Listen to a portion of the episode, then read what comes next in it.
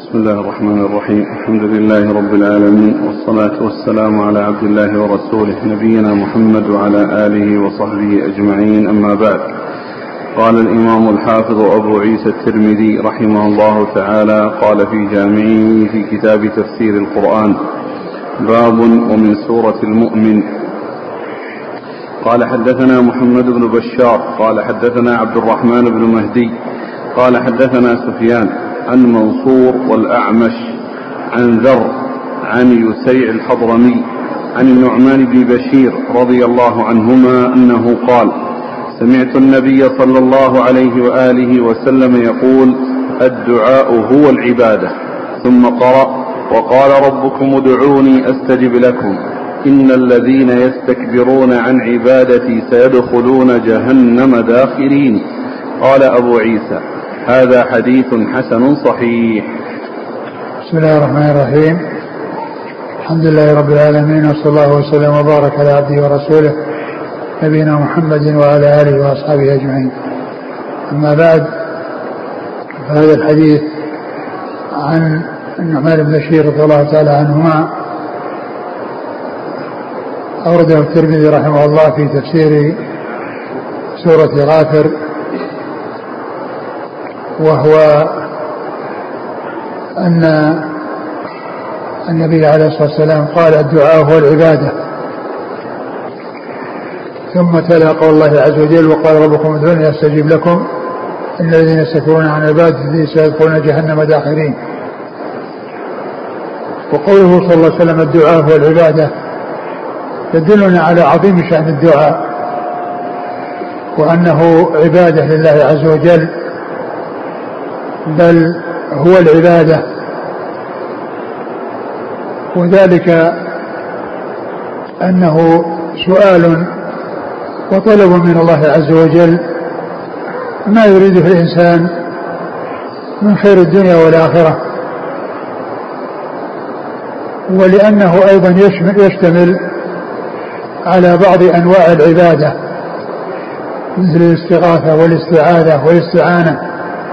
لأنها كلها من أنواع الدعاء وداخلة تحت اسم الدعاء إلا أنها أخص منه لأن الدعاء عام والاستغاثة خاص خاصة وكذلك الاستعاذة وهي طلب العود كذلك الاستعانة تعتبر بالنسبة للدعاء من جملة ما يدخل تحت عمومه فالدعاء عام وهذه خاصة. وقد قال صلى الله عليه وسلم في هذا الحديث الدعاء هو العبادة. وقد قال الله عز وجل وأن المساجد لله فلا تدعوا مع الله أحدا.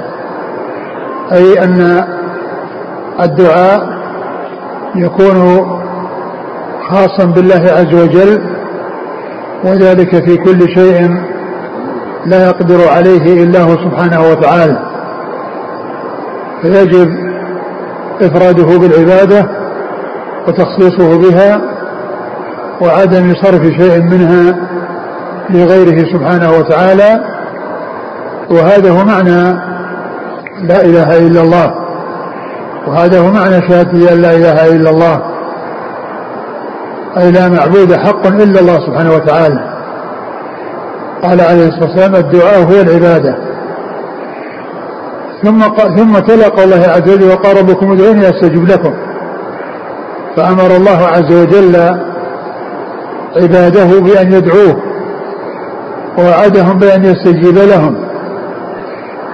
ثم بين أن من يستكبر عن عبادته فإنه من الخاسرين الهالكين المعذبين. ولهذا قال بعد قوله ادعوني استجيب إن الذين يستكبرون عن عبادتي سيدخلون جهنم داخرين. قال عن عبادتي. وقال لذلك قال ادعوني.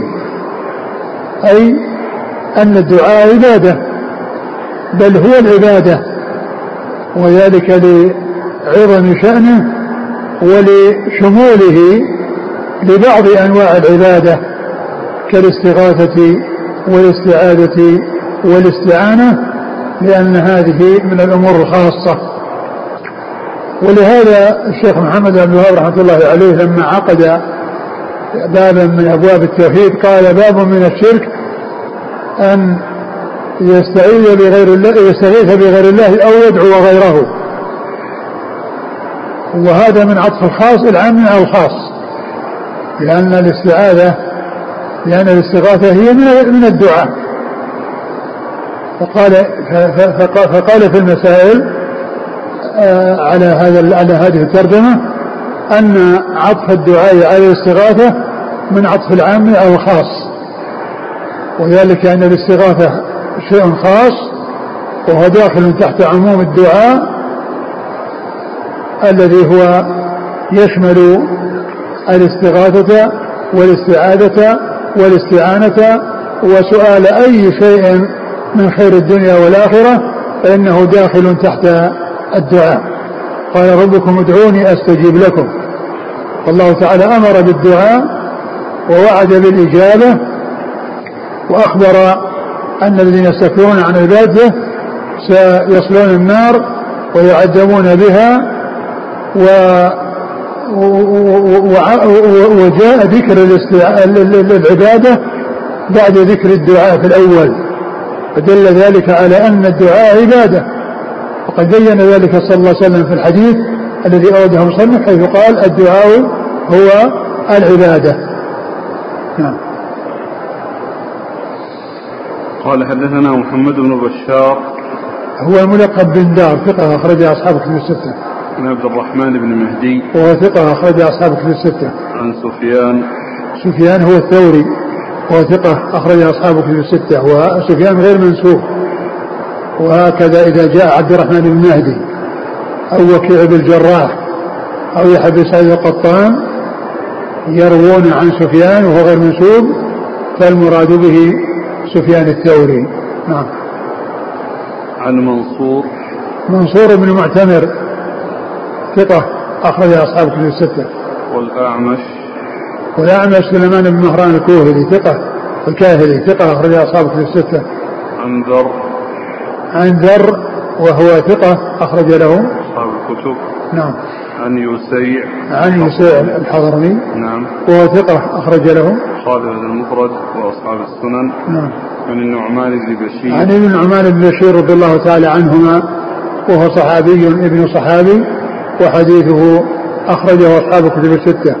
وفي هذا الحديث عبر آه، النعمان رضي الله عنه بقوله سمعت سمعت رسول الله صلى الله عليه وسلم يقول الدعاء هو العبادة. والنعمان توفي رسول الله صلى الله عليه وسلم وعمره ثمان سنوات. توفي رسول الله صلى الله عليه وسلم وعمره ثمان سنوات. وهذا يدل على تحمل الصغير. وأن الصغير إذا تحمل في حال صغره وأدى في حال كبره فإن ذلك معتبر لأن هذا من أمثلته لأن النعمان بن بشير رضي الله عنه توفي رسول الله عليه الصلاة والسلام وعمره ثمان سنوات وكان يروي الأحاديث بقوله سمعت كما في هذا الحديث وكما في حديث الحلال بين والحرام بين. فإن النعمان بن بشير قال سمعت رسول الله صلى الله عليه وسلم والحديث متفق عليه. الحلال بين والحرام بين وبينهما أمور مشتبهات. لا يعلمون كثير من الناس. قال فيه النعمان بن بشير سمعت رسول الله صلى الله عليه وسلم. وهذا يدل على أن الراوي إذا تحمل في حال صغره وأدى في حال كبره فإن ذلك معتبر. ومثل ذلك الكافر إذا تحمل في حال كفره وأدى في حال إسلامه.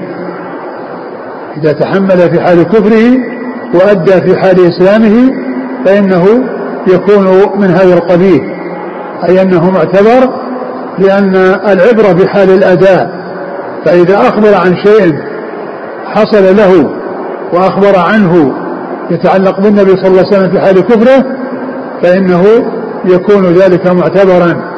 ومنه حديث هرقل حديث, هرقل المشهور وكلام أبي سفيان معه في حال كفره وبيانه الأحوال التي كان عليها رسول الله صلى الله عليه وسلم والصفات الحسنة التي كان متخلقا بها صلوات الله وسلامه وبركاته عليه والتي استدل بها هرقل على صحة نبوته وقال إن هذا هو شأن الأنبياء أو هذه طريقة الأنبياء. فالراوي يتحمل في حال كفره وأدى في حال إسلامه أو تحمل في حال صغره وأدى في حال كبره فإن ذلك معتبر. نعم.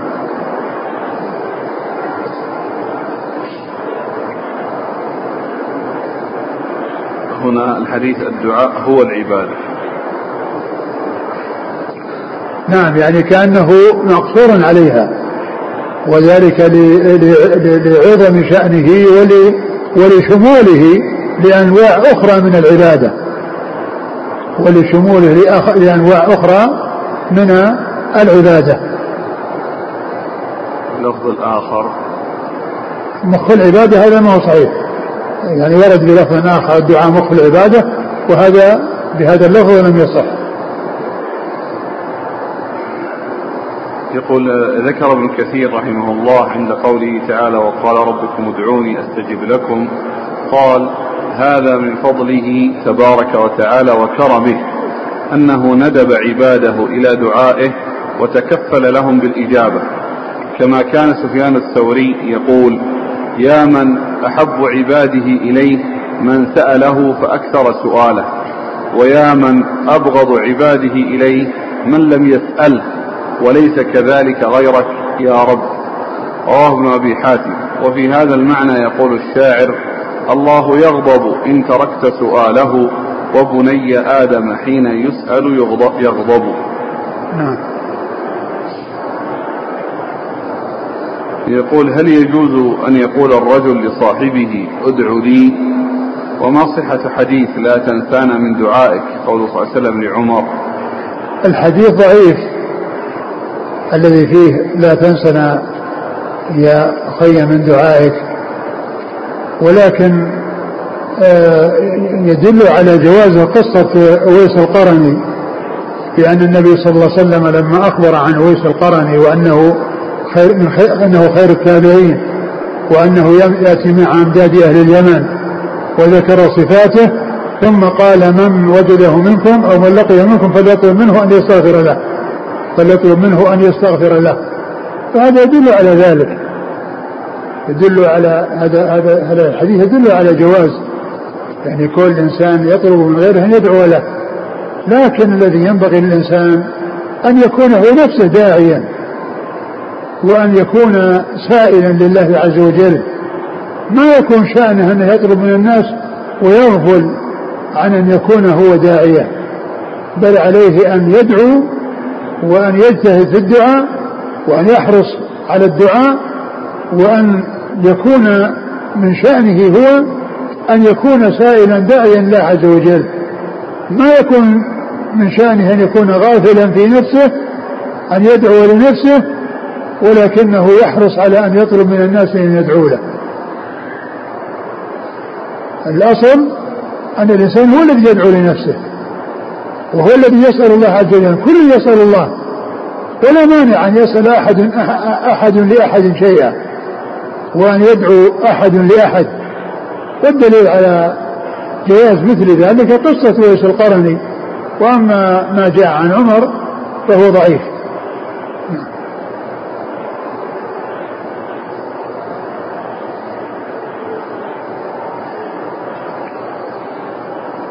ثم عمر رضي الله عنه كان يسأل عن أويس القرني مع أمدادة في اليمن. أمدادة في اليمن هم الذين يأتون من اليمن ليمدوا الجيوش التي تذهب لقتال فارس. يقال لهم أمداد لأنهم يمدون لأنهم يمدون الجيوش. فكان يسأل عنه ولما حصله ولقيه ذكر حديث الرسول صلى الله عليه وسلم وطلب منه أن يدعو له وأن يستغفر له. وهذا يدلنا على فضل عمر رضي الله عنه وأرضاه. وهو من هو في الفضل وهو أفضل هذه الأمة بعد أبي بكر رضي الله عنه. لكن هذا شأن أولياء الله. يجتهدون في العبادة ويعتبرون أنفسهم مقصرين. ثم أيضا أويس القرني هو من جانبه أيضا. يقول أنتم أصحاب الرسول صلى الله عليه وسلم وأنتم الذين يطلب منكم الدعاء فكل واحد من جانبه يتواضع. وهذا شأن أولياء الله عز وجل كما قال الله عز وجل والذين يؤتون ما آتوا وقلوبهم وجلة أنهم إلى ربهم راجعون.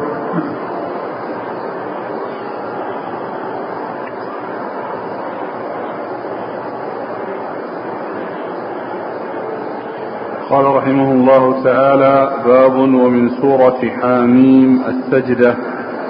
قال حدثنا ابن أبي عمر قال حدثنا سفيان عن منصور عن مجاهد عن أبي معمر عن ابن مسعود رضي الله عنه أنه قال اختصم عند البيت ثلاثة نفر قرشيان وثقفي أو ثقفيان وقرشي قليلا فقه قلوبهم.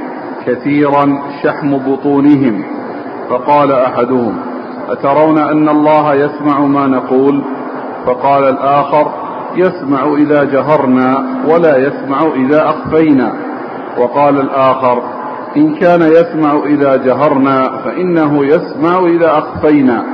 فأنزل الله وما كنتم تستترون أن يشهد عليكم سمعكم ولا أبصاركم ولا جلودكم. قال أبو عيسى هذا حديث حسن صحيح.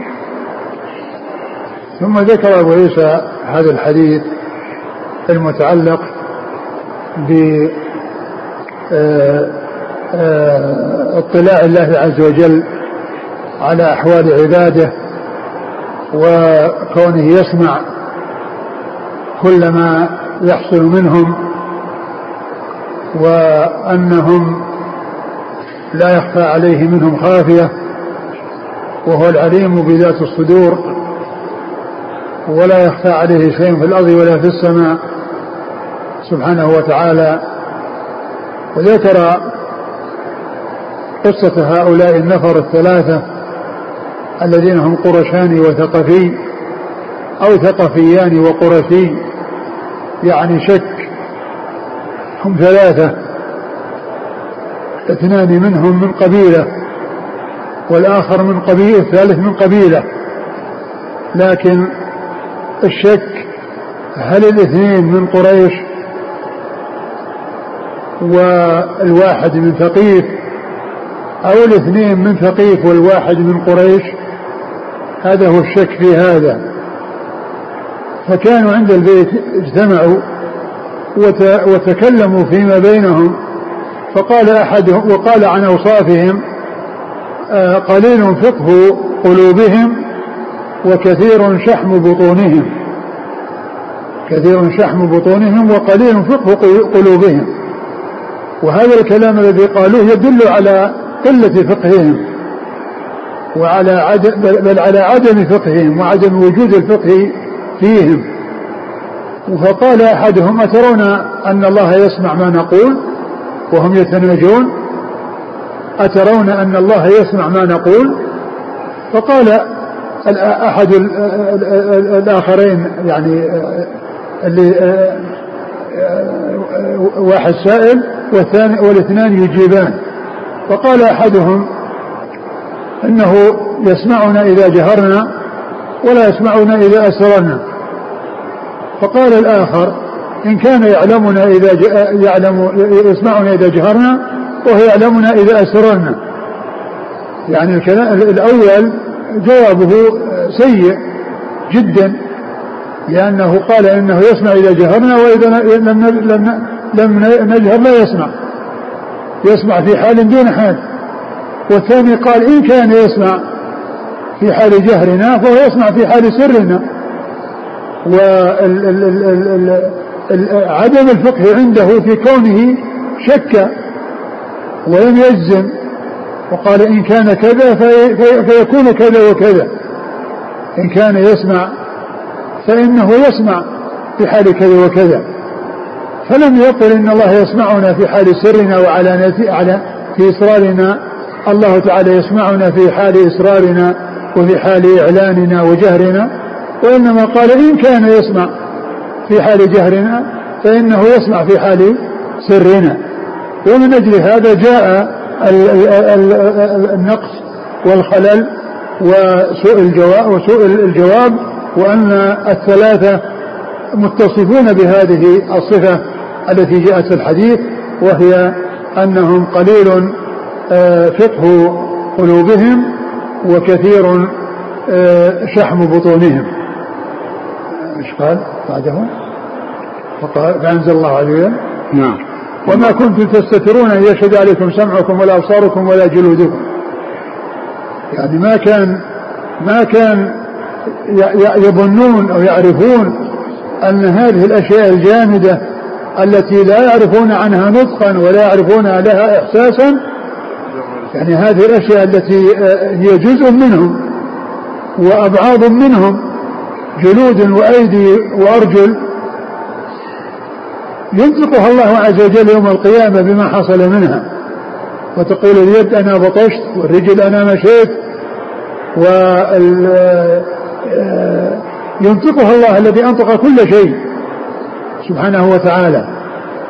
وهذا يدلنا على أن البعث على أن الجزاء للأجساد التي كانت في الدنيا وأن النعيم لها والعذاب عليها وأن الذي يبعث هو الجسم الذي كان في الدنيا وليس جسما آخر لأنه لو كان هناك أجسام أخرى تنشأ من جديد ما عندها شهادة وما عندها علم وإنما العلم لهذه الأجساد التي كانت يفعل الإنسان فيها ما يفعل. فهي تنطق بما عملت وتتكلم بما فعلت يوم القيامة. فهذا يدلنا على أن البعث إنما هو للأجساد اللي كانت في الدنيا ليست لأجساد جديدة لا, لا, لا وجود لها في الدنيا لأن كونها تشهد يوم القيامة يدل على أنها هي نفس الأجساد اللي كانت في الدنيا لأنها هي التي حصل منها المباشرة للأفعال ومشاهدة الأفعال فالله تعالى ينطقها وهو الذي ينطق كل شيء وقادر على انطاق كل شيء ينطق الأيدي والأرجل والجلود فتتكلم وما كان الناس يعرفون لها كلاما. فلو أن إنسانا راقب الله عز وجل وعرف أن هذه الافعال هذه الأعضاء التي آه، بالإنسان أنها ستكون شاهدة عليه يوم القيامة. وما يحصل منها من خير وشر فإنه آه، آه، يحصل له يوم القيامة. وتكون الأيدي والأرجل وأعضاء الإنسان شاهدة عليه يوم القيامة بالخير والشر. شاهدة عليه بالخير وشاهدة عليه بالشر. وكما قلت أيضا يدل على أن الذي يبعث هو الجسم الذي كان في الدنيا. الجسم الذي كان في الدنيا هو الذي يبعث. ما هو ينشأ خلق جديد غير الخلق الأول؟ لا لا وجود له في الدنيا. ولهذا الله عز وجل قال في سورة سورة قاف قد علمنا ما تنقص الأرض منهم. قد علمنا ما يعني ما ما يتفرق في التراب من أجزاء أجسادهم الله تعالى يعيد تلك الذرات حتى تكون كل ذرة في مكانها. ويكون جسم كما هو كما دفن. وهذا في حق غير الأنبياء أما الأنبياء فإن الأجساد الأرض لا تأكل أجسادهم. وحرم الله على الأرض أن تأكل أجساد الأنبياء. وأما غيرهم فتأكل الأرض أجسادهم. و... والله تعالى يقول قد علمنا ما تنقص الأرض منه. يعني فنحن نعيده. وقصة الرجل الذي قال لأولاده إذا أنا مت فاحرقوني ثم خذوا جزءا من الرماد الذي يخص جسمه فذروه في البحر. وبعضه ذروه في البر فلئن قدر الله علي ليعذبني عذابا لا يعذب أحد من العالمين. فالله عز وجل أمر البحر بأن يخرج ما فيه من الذرات والبر بأن يخرج ما فيه من الذرات ثم رجعت كل ذرة إلى مكانها حتى عاد سويا. إذا هذه طريقة البعث وطريقة إيجاد الناس بعد ذلك أن الخلق الأول هو الذي يكون موجودا. الخلق الأول هو الذي يكون موجودا وليس خلقا جديدا يركب و آه، آه، تكون تلك الأعضاء لا وجود لها في الدنيا. ثم أيضا الطيور التي قال إبراهيم ربي أرني كيف تحيي الموتى. قال ولم قال خذ أربعة من الطير. فصرهن إليك. يعني ثم جعل كل جبل من جزءا. يعني يقطع هذه الأربعة. الطيور ويجعل لحمها كلها قطعة واحدة. ثم يقسمها أربعة أقسام وكل قسم من هذه الأقسام الأربعة يجعلها على جبل ثم يدعوهن فيأتين سعي يعني كل قطعة تخرج حتى تأتي وتكون في مكانها من من الطير الذي هي منه. من الطير الذي هي منه. فإذا هذه الآية التي معنا وهي أن جلودهم تشهد وأرجلهم تشهد وأيديهم تشهد هذا يدلنا على أن الذي يبعث هو الذي كان في الدنيا وأنه لا يبعث خلق آخر ويوجد خلق آخر غير الخلق الأول الذي كان في الدنيا. وذلك أن الحساب إنما يكون على من حصل منه الإساءة. النعيم لمن حصل منه الإحسان والعذاب على من حصل منه الإساءة. والعذاب على من حصل منه الإساءة.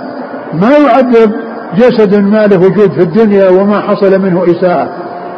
ولا ينعم جسد ما حصل له. وإن كان التنعيم يمكن أن يكون كما جاء في الحديث أن الجنة يبقى فيها فضل فينشئ الله قوما لم يعملوا خيرا قط فيدخلهم الجنة.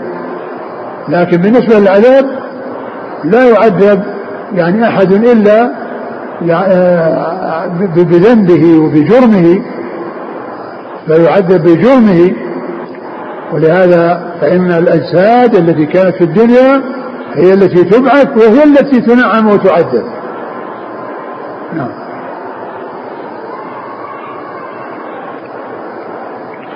قال حدثنا ابن أبي عمر هو العدني ثقة أخرجه مسلم والترمذي والنسائي وابن ماجه.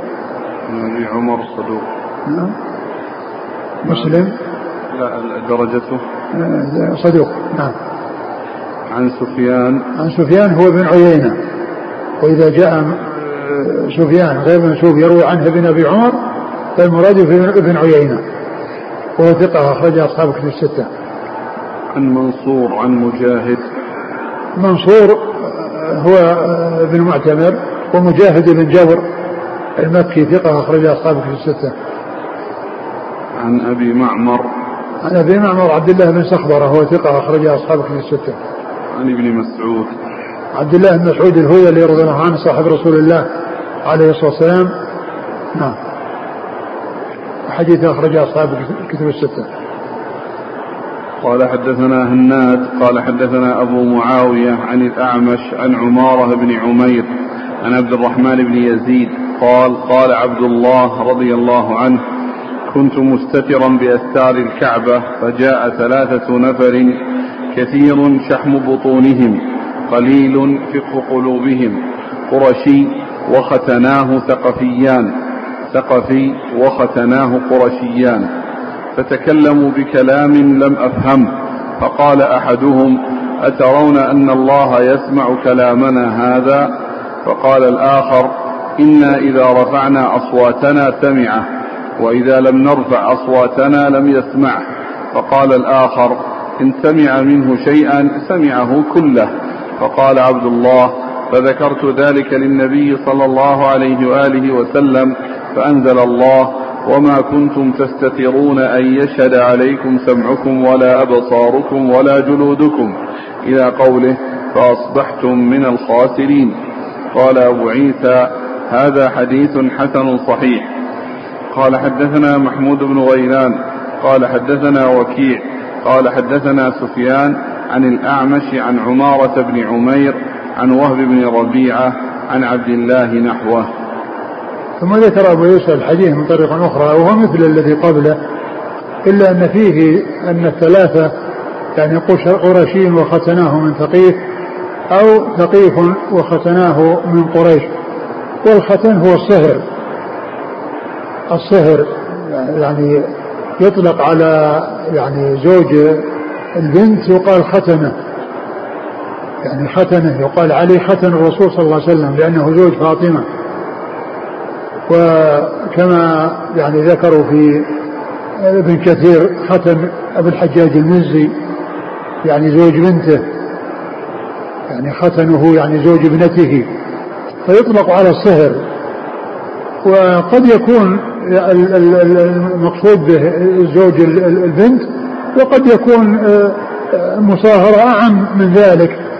يعني مصاهرة هو هو صهر ولكن قد يعني ليس بلازم أن يكون يعني زوج البنت بل قد يكون يعني أعم من ذلك يعني قرابة عن طريق المصاهرة والحديث هو مثل الذي قبله. نعم. قال حدثنا هناد. هناد بن السري أبو السري ثقة أخرج له البخاري في خلق افعال العباد ومسلم وأصحاب السنن. عن أبي معاوية ومحمد بن خازم الضرير الكوفي ثقة أخرج له أصحاب الكتب الستة. عن الأعمش عن عمارة بن عمير هو ثقة أخرج له أصحاب الكتب. نعم. عن عبد الرحمن بن يزيد وهو ثقة أخرج أصحاب الكتب الستة. عن عبد الله. نعم قال حدثنا محمود بن غيلان ثقة أخرج أصحاب الكتب الستة إلا أبا داود عن وكيع ابن الجراح ثقة أخرج أصحاب الكتب الستة عن سفيان عن الأعمش عن عمارة بن عمير عن وهب بن ربيعة. وهو مقبول أخرجه مسلم والترمذي. نعم.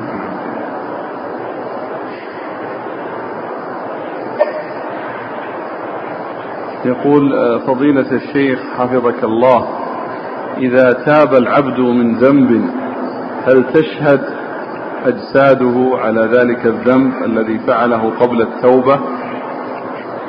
من تاب من الذنب فهو كمن لا ذنب له لأن هذا يمحى وينتهي وإنما الكلام على شيء لم يتب منه هذا هو الذي يكون في شهادة هو الذي يكون في عذاب. أما الذي تيب منه فالتوبة تجب ما قبلها ومن تاب تاب الله عليه ومن آه، تاب من شيء وهو صادق في توبته فهو مثل من لم يعمل ومن لم يحصل منه ذنب. يعني معناه أنه لا يؤاخذ عليه ولا يستشهد عليه يعني شيء من من, أعضائه أو لا يشهد عليه شيء من أعضائه وإنما هذا في الشيء الذي لم يتب منه. يقول في قصة شهداء أحد الذين حفر عنهم أو حفر عنهم السيل بعد 46 سنة وكانوا كيوم أن دفنوا. ألا يدل هذا على أن الشهيد لا تأكل الأرض جسده؟ هذا جاء في قصة عبد الله بن حرام والد جابر أنه آه، قرب الوادي أن يجترفه وخشي أن أن السيل يصل إليه ويحمله فنبشه بعد ستة أشهر ووجده كما كان.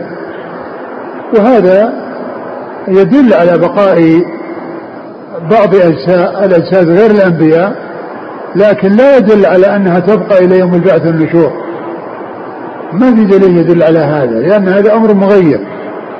وجد بعد ستة أشهر لكن هل يستمر يوم البعث والنشور الله أعلم. ولهذا يعني لا يلزم إلا بالشيء الذي جاء فيه دليل. لا يجزم بعدم تغير شيء إلا بالذي جاء به دليل هو أجساد الأنبياء. إن الله حرم على الأرض أن تأكل أجساد الأنبياء. وأما الشهداء فقد يجزى منهم من حصل له ذلك بعد ستة أشهر كما حصل لوالد جابر بن عبد الله عبد الله بن حرام رضي الله عنه. لكن هذا لا يدل على أنهم أنه أنهم يبقون إلى يوم البعث والنشور كما كانوا عند عند دفنهم بالنسبة للأنبياء يجزم بأنهم باقون وأن الأرض لا تؤثر فيهم ولا تأكل شيء من أجسادهم. وأما غيرهم فقد جاء ما يدل على البقاء مدة لكن ما في دليل يدل على البقاء والاستمرار إلى يوم البعث والنشور ما جاء من الأدلة على أن الإنسان إذا دخل الجنة يكون إذا؟ أن الإنسان إذا دخل الجنة يوم القيامة يكون على شكل آخر. مثلا يعني يدخل على صورة آدم ستون ذراعا في السماء. نعم. آه فكيف تكون يعني كيف تؤول هذه النصوص مع أن الأجساد ما في تنافي لأن نفس الجسد هو الجسد بس أنه كبر وله نفس الجسد اللي كان في الدنيا؟ يعني كان في الدنيا إذا دخل الجنة يكون على آه، طول آدم ستون ذراعا.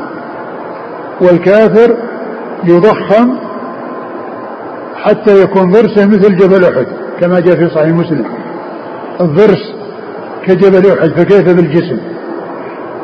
وما بين منكبي الكافر كما بين مكة وقديد أكثر من مئة كيلو. هذا ما بين المنكبين.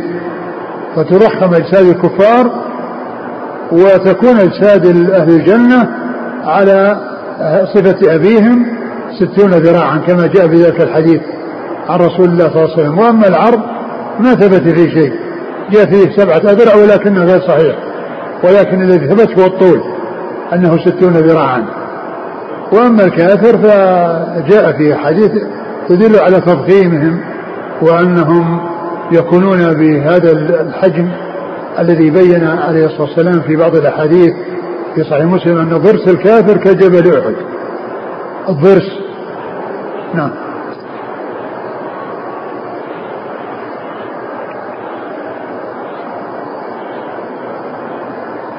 قال حدثنا أبو حفص عمرو بن علي الفلاس قال حدثنا أبو قتيبة سلم بن قتيبة. قال حدثنا سهيل بن أبي حزم القطعي القطيعي. قال حدثنا ثابت. قطعي قطعي ولا قطعي عندكم إيش؟ قطيعي. عندك في المطبوعة هذه؟ لا هو القطعي. هو سهل والقطيعي وهو القطعي. سهل خطأ. ها؟ سهل؟ هو عندك سهل؟ اي تصحيح عندك سهل ولا سهيل؟ مكتوب سهل. هو سهيل. هو الصحيح سهيل. إيه سهيل والقطعي.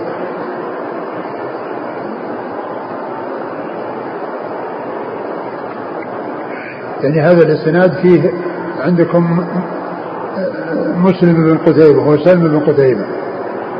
يعني بدل يعني ليس فيه ميم. وإنما هو سلم أبو قتيبة سلم بن قتيبة. وفيه سهيل بدل سهل. وفيه القطعي بدل القطيعي أو القطيعي.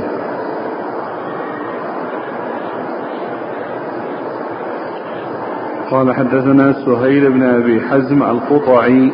قال حدثنا ثابت البناني عن أنس بن مالك رضي الله عنه أن رسول الله صلى الله عليه وآله وسلم قرأ إن الذين قالوا ربنا الله ثم استقاموا قال قد قال الناس ثم كفر أكثرهم فمن مات عليها فهو ممن استقام.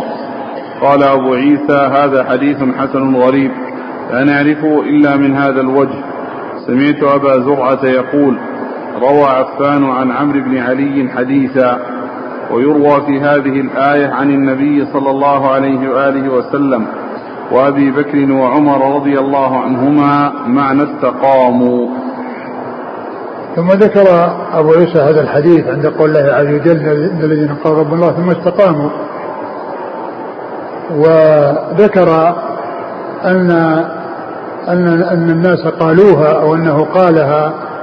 يعني من قالها يعني قال الإيمان وقال كلمة التوحيد وكلمة الإخلاص وأنه كفر أكثر الناس.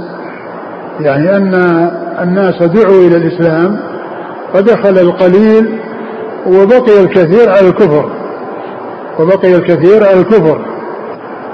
وقوله ثم كفروا يعني معلوم أن الذين دخلوا في الإسلام وبقوا على إسلامهم هم الكثيرون يعني في عهد الرسول صلى الله عليه وسلم. ولما توفي ارتد بعضهم. وكفر بعضهم. لكن الذي يبدو أن المعنى أن يعني بعض الناس وهم القليلون هم الذين دخلوا في الإسلام والكثيرون هم الذين يعني بقوا على الكفر الذين بقوا على الكفر يعني في بالنسبة لل يعني لأهل الأرض وإلا فإن الجزيرة دخلت في دين الله وكذلك دخل الناس في دين الله عز وجل. لكن الكفر هو الأكثر والهالكون هم الكثيرون كما قال الله عز وجل وإن تطع أكثر من في الأرض يضلوك عن سبيل الله وما أكثر الناس ولو حرصت بالمؤمنين وقد مر بنا الحديث الذي فيه آه، قول آدم أخرج بعث النار من أمتك فيكون من أولادك أو من ذريتك فيكون يقال له واحد يعني 999 من الألف. 990 من الألف. 990 يعني هؤلاء هم الكفار أو هم المعذبون. يعني ففي القلة أو أن الذين دخلوا في الإسلام وأخلصوا لله عز وجل هم القليلون والهالكون هم الكثيرون. فقوله ثم يعني آه، كفر أكثرهم يعني الذي يبدو والله أعلم أنه ليس الذين دخلوا في الإسلام خرج أكثرهم بل الذين دخلوا في الإسلام لم يخرج منهم إلا قليل بعد وفاته صلى الله عليه وسلم. ولكن الواقع بالنسبة للذين استجابوا للأنبياء أنهم قليلون والذين لم يستجيبوا هم الكثيرون.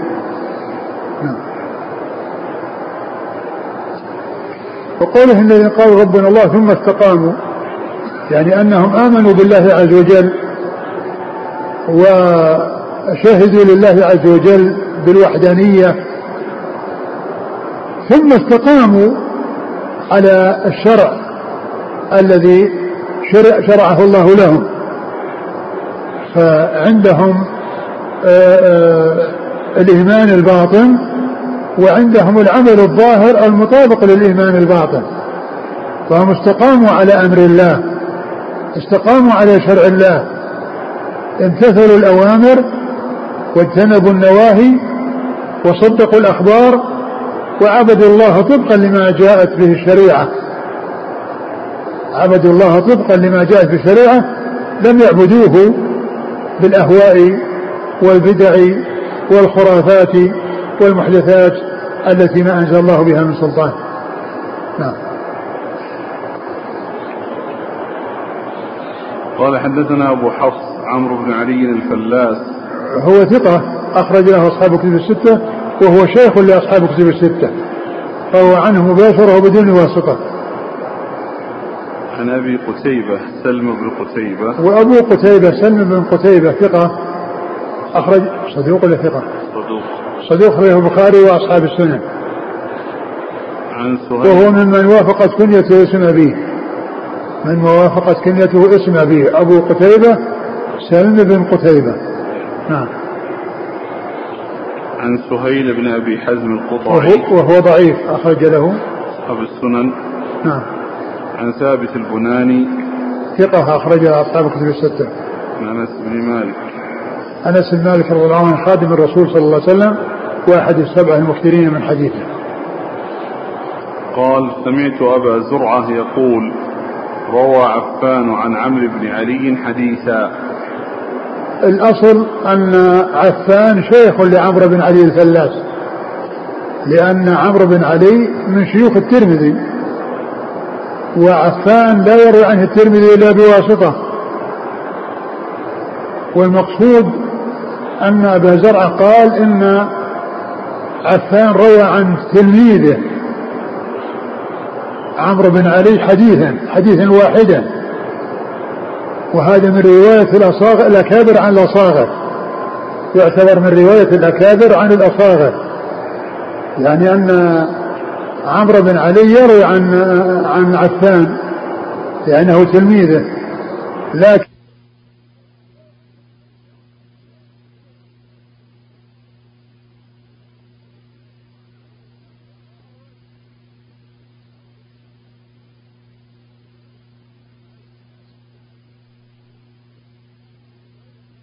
نوع من أنواع علوم الحديث يقال رواية الأكابر على الصغر والمقصود من هذا أن عمرو بن علي الفلاس الذي هو شيخ الترمذي في هذا الحديث قال أبو زرعة إن عفان الذي هو شيخ عمرو روى عنه حديثا واحدا. فهذا الحديث الواحد الذي رواه عفان هو من رواية الأكابر عن الأصاغر وفائدة معرفة رواية الأكابر عن الأصاغر ألا يظن الانقلاب في الإسناد لأن الإنسان الذي يعرف أن عمرو بن علي تلميذ لعفان لو رأى عفان يروي عن عمرو بن علي بالله هذا مطلوب لكن إذا عرف أن هذا من نوع رواية الأكابر على الأصاغر عرف أن ما في قلب عرف أنه ليس فيه قلب. نعم. ويروى في هذه الآية عن النبي صلى الله عليه وسلم وأبي بكر وعمر معنى استقاموا.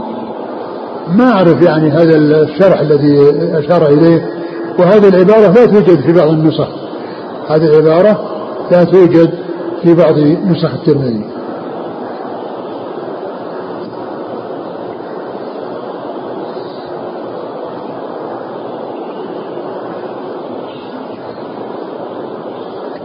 وقد جاءت عبارات متقاربة يعني في تفسير في تفسير ال ال ال الإيمان والاستقامة. وجاء الحديث في ذلك عن رسول الله صلى الله عليه وسلم في حديث آه، الحديث الحادي والعشرين من الأربعين النووية. قال قل آمنت قال قل يعني قل في الإسلام قل لا أسأل عنه غيرك قال قل آمنت بالله ثم استقم قل آمنت بالله ثم استقم. وقد شرحها الحافظ الرجب شرحا واسعا كما هو شأنه في شرح أحاديث الأربعين. نعم.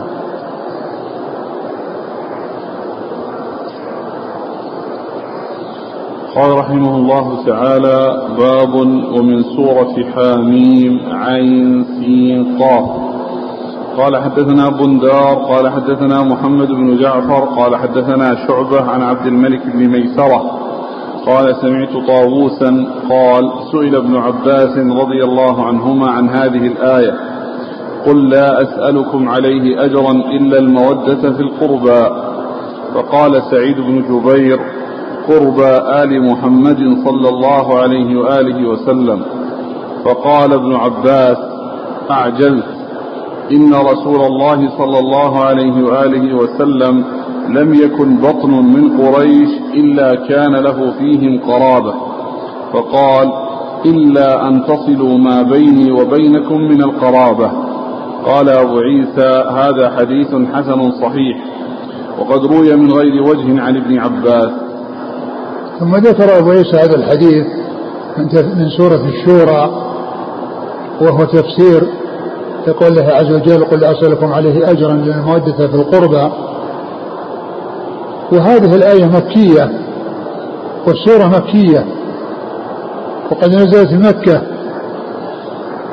وعلى هذا فالمطابق لمعناها هو تفسير ابن عباس لأن قريشا كانوا يؤذون الرسول صلى الله عليه وسلم ويمنعونه من من دعوته. وهو قال إنه لا يسألهم على الرسالة أجرا وإنما لما بينه وبينهم من القرابة إذا لم ينصروه فلا أقل من أن يخلوا بينه وبين الناس فلا يؤذوه ولا يحول بينه وبين أن يبلغ الرسالة إلى الناس. هذا هو معنى قوله قل لا أسألكم عليه أجرا إلا المودة في القربى وهذا هو الذي فسر هذه ابن عباس. وهذا هو المطابق لنزول الآية في مكة. وأن قريشا كانوا يؤذون الرسول صلى الله عليه وسلم ويحولون بينه وبين تبليغ الرسالة ويؤذونه. وهو سألهم أخبرهم بأنه لا يسألهم أجرا على الرسالة وإنما يسألهم بما بينه وبينهم من القرابة. إذا لم ينصروه ويؤيدوه لكونه من أقربائهم فلا أقل من أن يخلوا بينه وبين الناس ويتركوه دون أن آه، يصل إليهم منهم يصل إليه منهم شيء من الأذى. يصل إليه منهم شيء من الأذى. فإذا هذا هو المعنى. ولهذا لما قال يعني ابن عباس يعني في في هذه الآية في هذه الآية فقال سعيد بن جبير قرب آل محمد صلى الله عليه وسلم. يعني معناه يعني قرابته الذين هم أهل بيته. فقال عجلت وبين أن أن أن المراد بها ليس قرابة النبي صلى الله عليه وسلم الذين هم أهل بيته وإنما المقصود بذلك قرابته الذين الذين منهم الرسول صلى الله عليه وسلم وهم قريش وأنهم آه، يطلب منهم إذا لم ينصروه وهذا هو الذي آه، يتوقع منهم أن ينصروه لأنه قريبهم فإذا لم يحصل هذا فلا أقل من أن يخلوا بينه وبين الناس ويتركونه يبلغ رسالة الله دون أن يؤذوه ودون أن يحولوا بينه وبين تبليغ الرسالة ودون أن يحولوا بينه وبين تبليغ الرسالة. ثم أيضا آه البيت الذي هو يعني ذريته و آه ويعني علي زواج علي الفاطمة منها كان بالمدينة ما كان لذلك تلك القرابة موجودة في مكة. لأن زواج علي ما كان إلا بالمدينة بفاطمه وبعد بدر بعد غزوة بدر. فاذا الذي آه الآية مكية وهذا هو معناها وابن عباس رضي الله عنه هو الذي فسرها بهذا التفسير. والحديث رواه البخاري في صحيحه. هذا هذا التفسير أورده البخاري في صحيحه. ثم آل بيت الرسول صلى الله عليه وسلم لا شك في فضلهم ولا شك في علو منازلهم ولكن هذه الآية ليست فيهم لأن الآية مكية وذرية الرسول صلى الله عليه وسلم وحصول الزواج من علي بفاطمة وحصول الأولاد منهما إنما كان في المدينة. إنما كان في المدينة. فإذا الآية هي كما فسرها ابن عباس المقصود منها آه، المودة يعني هو ما بينه وبينهم من القرابة عليهم أن يحسنوا إليه وأن لا يسيئوا إليه وأن يتركوه إذا لم ينصروه يتركوه يبلغ الرسالة فلا يؤذوه. ولا يلحقوا به شيئا من الأذى. وقد جاءت الأحاديث في فضل أهل البيت وكذلك كلام آه، أصحاب الرسول صلى الله عليه وسلم وفي مقدمتهم أبو بكر وعمر رضي الله تعالى عنهما فإنهما آه، آه، جاء عنهما آثار صحيحة تدل على بيان عظيم منزلة أهل البيت عندهم. ومما ذكره البخاري في صحيحه أثران عن أبي بكر رضي الله عنه. أحدهما قول أبي بكر رضي الله عنه ارقبوا محمدا صلى الله عليه وسلم في أهل بيته. ارقبوا محمدا صلى الله عليه وسلم يعني في بيته. يعني احفظوا وصيته في أهل بيته. والأثر الثاني قوله قول أبي بكر رضي الله عنه و فوالله لقرابة رسول الله صلى الله عليه وسلم أحب إلي أن أصل من قرابته يعني قرابة الرسول صلى الله عليه وسلم أحب أن أصلهم آه، أحب إلي من أن أصل قرابتي لقربهم من رسول الله صلى الله عليه وسلم. هذان أثران عن أبي بكر في صحيح البخاري وأما عمر رضي الله عنه فقد جاء في صحيح البخاري. لما حصل القحط والجدب وخرج الناس يستسقون وكانوا في زمنه صلى الله عليه وسلم يطلبون منه الدعاء ويتوسلون بدعاء صلى الله عليه وسلم. فلما مات عليه الصلاة والسلام وخرج عمر يستسقي بالناس اختار عم العباس ليدعو ويتوسلون بدعائه وقال اللهم إنا كنا إذا جئنا توسلنا إليك بنبينا يعني بدعائه فتسقينا. وأنا نتوسل لك بعم نبينا فأسقنا. قم يا عباس فادعو الله. قم يا عباس فادعو الله. ما قال نتوسل لك بالعباس؟ أتى بالشيء الذي اختاره من أجله وهو قرابته للرسول صلى الله عليه وسلم. وذلك أن العباس هو أقرب قريب للرسول صلى الله عليه وسلم. أقرب من علي وغيره لأنه عمه. ولو كان يورث صلى الله عليه وسلم لورثه العباس. لو كان النبي يورث عنه المال ورثته زوجاته وابنته فاطمة وعمه العباس. هؤلاء هم الورثة لو كان يورث.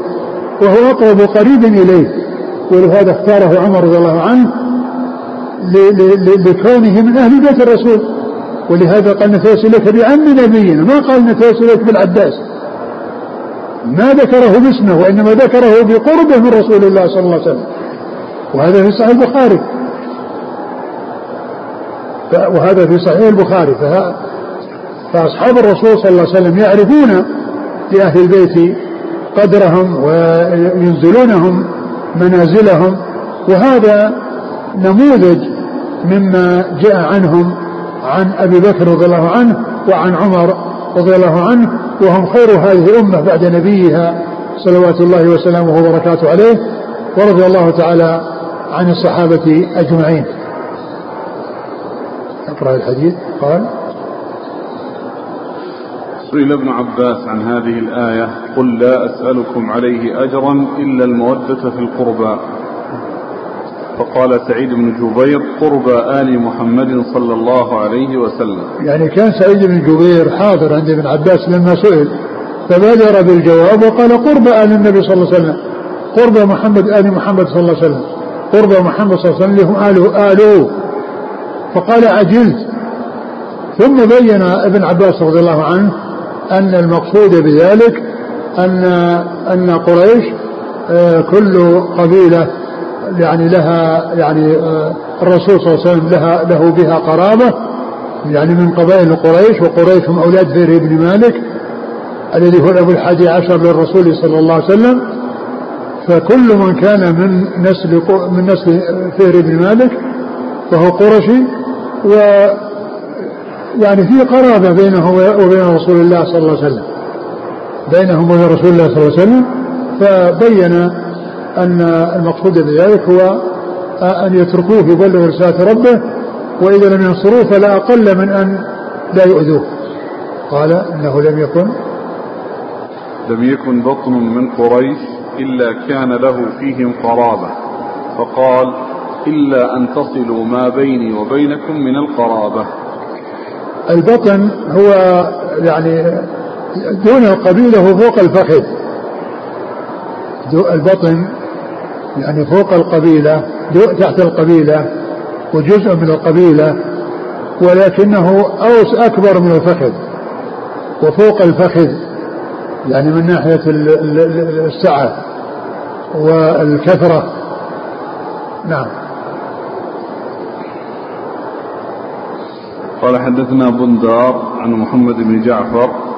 محمد بن جعفر ملقب بندر بندار هو لقب محمد بن بشار. ومحمد بن جعفر لقبه غندر. ثقة أخرج أصحاب كتب الستة. عن شعبة. شعبة في الحجاج الواسطي ثقة أخرج أصحاب كتب الستة. عن عبد الملك بن ميسرة. وهو ثقة أخرج له. أصحاب الكتب. نعم. عن طاووس. طاووس بن كيسان ثقة أخرج أصحاب كتب الستة. عن ابن عباس. نعم.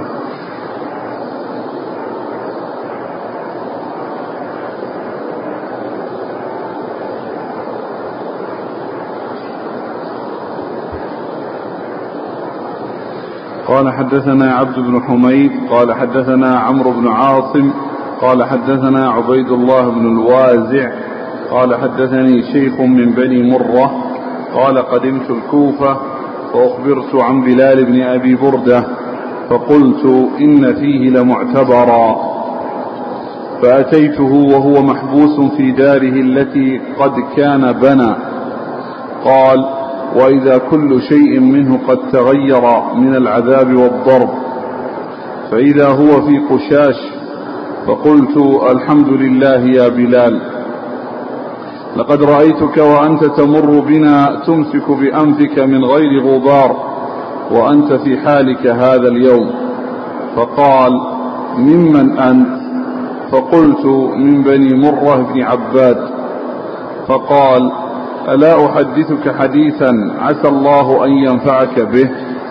قلت هاتي قال حدثني أبي أبو بردة عن أبيه أبي موسى رضي الله عنه أن رسول الله صلى الله عليه وعلى آله وسلم قال لا يصيب عبدا نكبة فما فوقها أو دونها إلا بذنب وما يعفو الله عنه أكثر.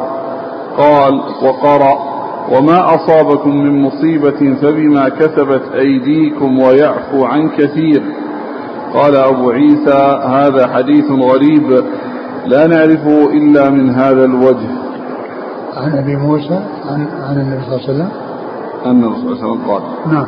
ثم ذكر أبو عيسى هذا الحديث يتعلق بقول الله عز وجل وما أصابكم من مصيبة فيما كسبت أيديكم ويعفو عن كثير. وذكر فيه أن أن من هو الشخص الذي رجل من بني شيخ من بني مرة. نعم شيخ من بني مرة. لم لم يسمى.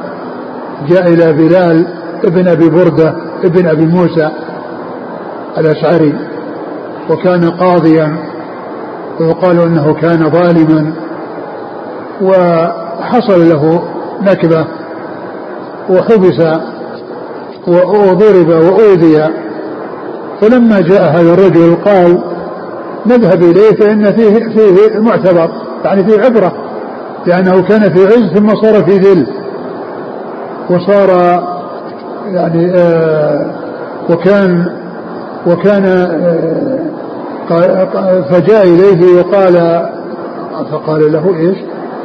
قال لبلال أول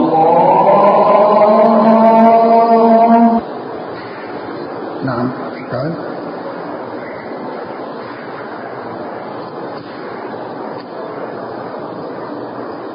كيف نعم ماذا قال بعده حدثني شيخ من بني مرة قال قدمت الكوفة فأخبرت عن بلال بن أبي بردة فقلت إن فيه لمعتبرا. يعني هذا كان قاضيا. يعني كان قاضيا اللي هو بلال بن أبي بردة. يعني جده أبو موسى الأشعري.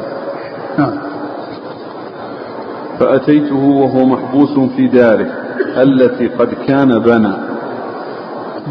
قال وإذا كل شيء منه قد تغير من العذاب والضرب. يعني ملامحه ووجهه وتغير لكونه عذب. نعم. وإذا هو في قشاش. يعني قشاش يعني كان يعني شيء يعني تافه أو شيء يعني ساقط أو شيء ما له قيمة. نعم.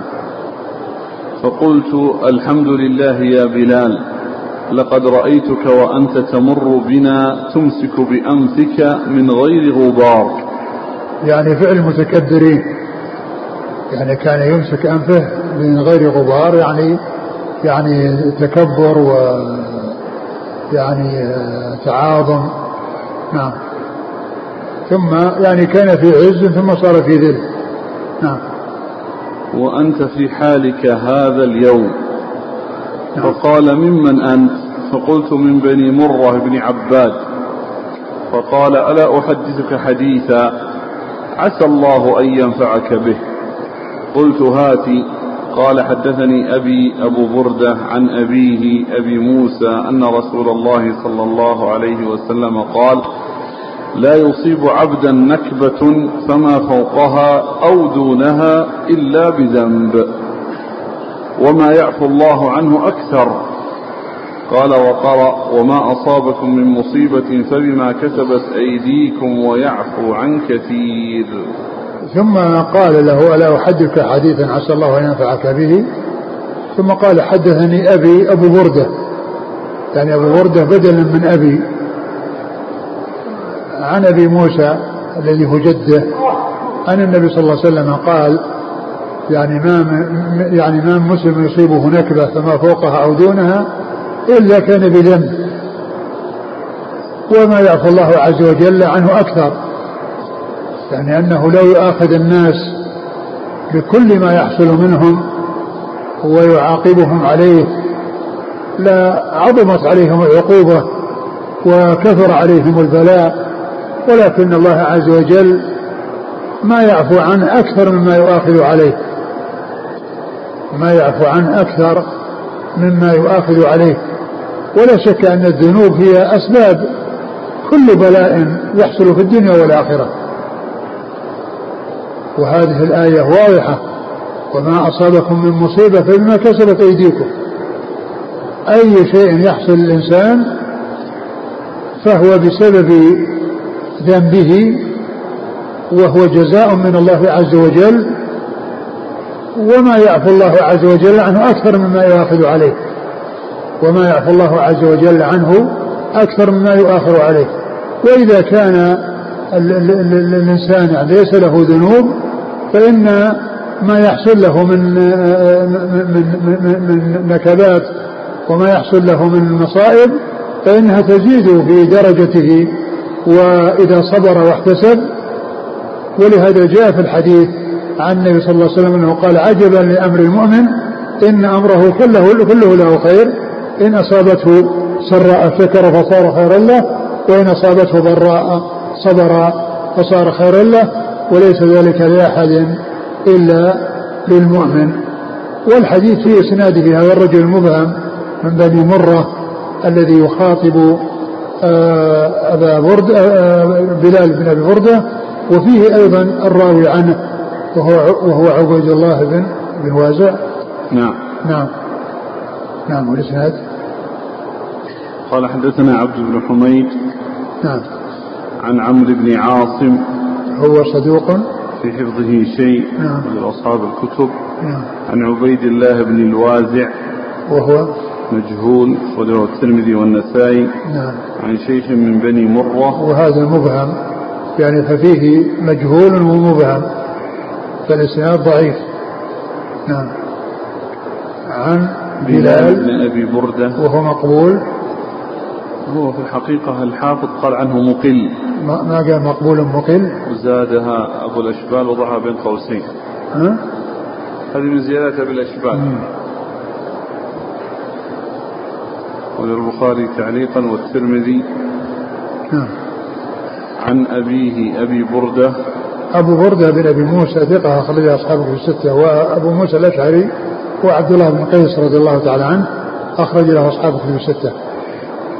والله أعلم وصلى الله وسلم وبارك على عبده ورسوله نبينا محمد وعلى آله وأصحابه أجمعين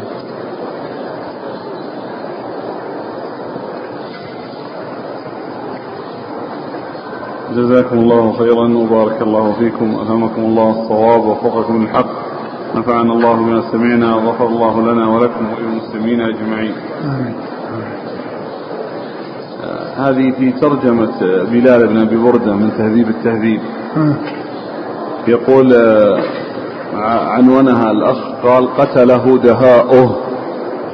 بلال بن أبي بردة بن أبي موسى الأشعري أبو عمرو ويقال أبو عبد الله أمير البصرة وقاضيها. قال جويرية بن أسماء لما ولي عمر بن عبد العزيز الخلافة وفد عليه بلال فهناه ثم لزم المسجد يصلي ويقرأ ليله ونهاره. فدس إليه ثقة له فقال له إن عملت لك في ولاية العراق ما تعطيني؟ فضمن له مالا جزيلا. فأخبر بذلك عمر فنفاه وأخرجه وقال يا أهل العراق إن صاحبكم أعطي مقولا ولم يعط معقولا. إن صاحبكم أعطي مقولا. ولم يعط معقولا. وفي رواية الأصمعي فكتب عمر بن عبد العزيز إلى عامله بالكوفة إن بلالا غرنا بالله فكدنا أن نغتر به ثم سبكناه فوجدناه خبثا كله وروى ابن الأنباري أنه مات في حبس يوسف بن عمر وأنه قتله, قتله دهاؤه قال للسجان أعلم يوسف أني قد مت ولك مني ما يغنيك فأعلمه فقال يوسف أرنيه ميتا. فجاء السجان فألقى عليه شيئا غمه حتى مات. ثم أراه يوسف. ثم؟ ثم أراه ليوسف. إيه. روى له الترمذي حديثا لا تصيب عبدا نكبة إلا بذنب وذكره البخاري في الأحكام. قلت ابن حجر قال أبو العباس المبرد أول من أظهر الجور من القضاة في الحكم بلال. وكان يقول إن الرجلين لا يختصمان إلي فأجد أحدهما أخف على قلبي فأقضي له. وحكي عن مالك بن دينار أنه قال لما ولي بلال القضاء يا لك أمة هلكت ضياعا. والله خالد القسري القضاء سنة 109 فلم يزل قاضيا حتى قدم يوسف بن عمر سنة 120 فعزله. انتهى.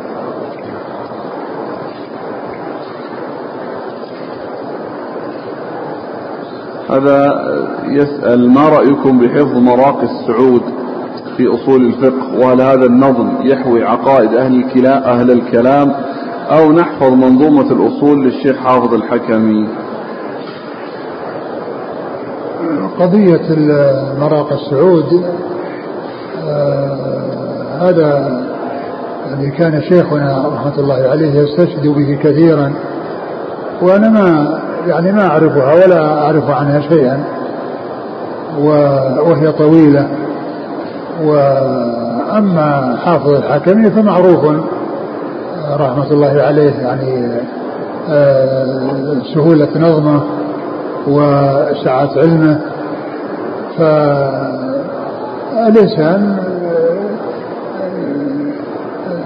إذا حفظ منظومة في الفقه سواء هذه أو هذه لا شك أنه يكون عنده ثروة عظيمة. وأنا لا أعرف يعني آه، شيئا عن مراق السعود وكذلك نظم الشيخ. لكن معلوم أن أن الشيخ رحمة الله عليه في عقيدته وفي جهوده العظيمة في توضيح العقيدة لا شك أنها فيها في غاية السلامة. وأما ذاك لا أعرف عنها شيئا من ناحية العقيدة واشتمالها على شيء محذور لا أدري. الله تعالى أعلم. وهذا يقول جزاكم الله خيرا وأحسن إليكم ما قول سماحتكم في من يقول إن دعوة محمد بن عبد الوهاب رحمه الله سلفية في الجملة.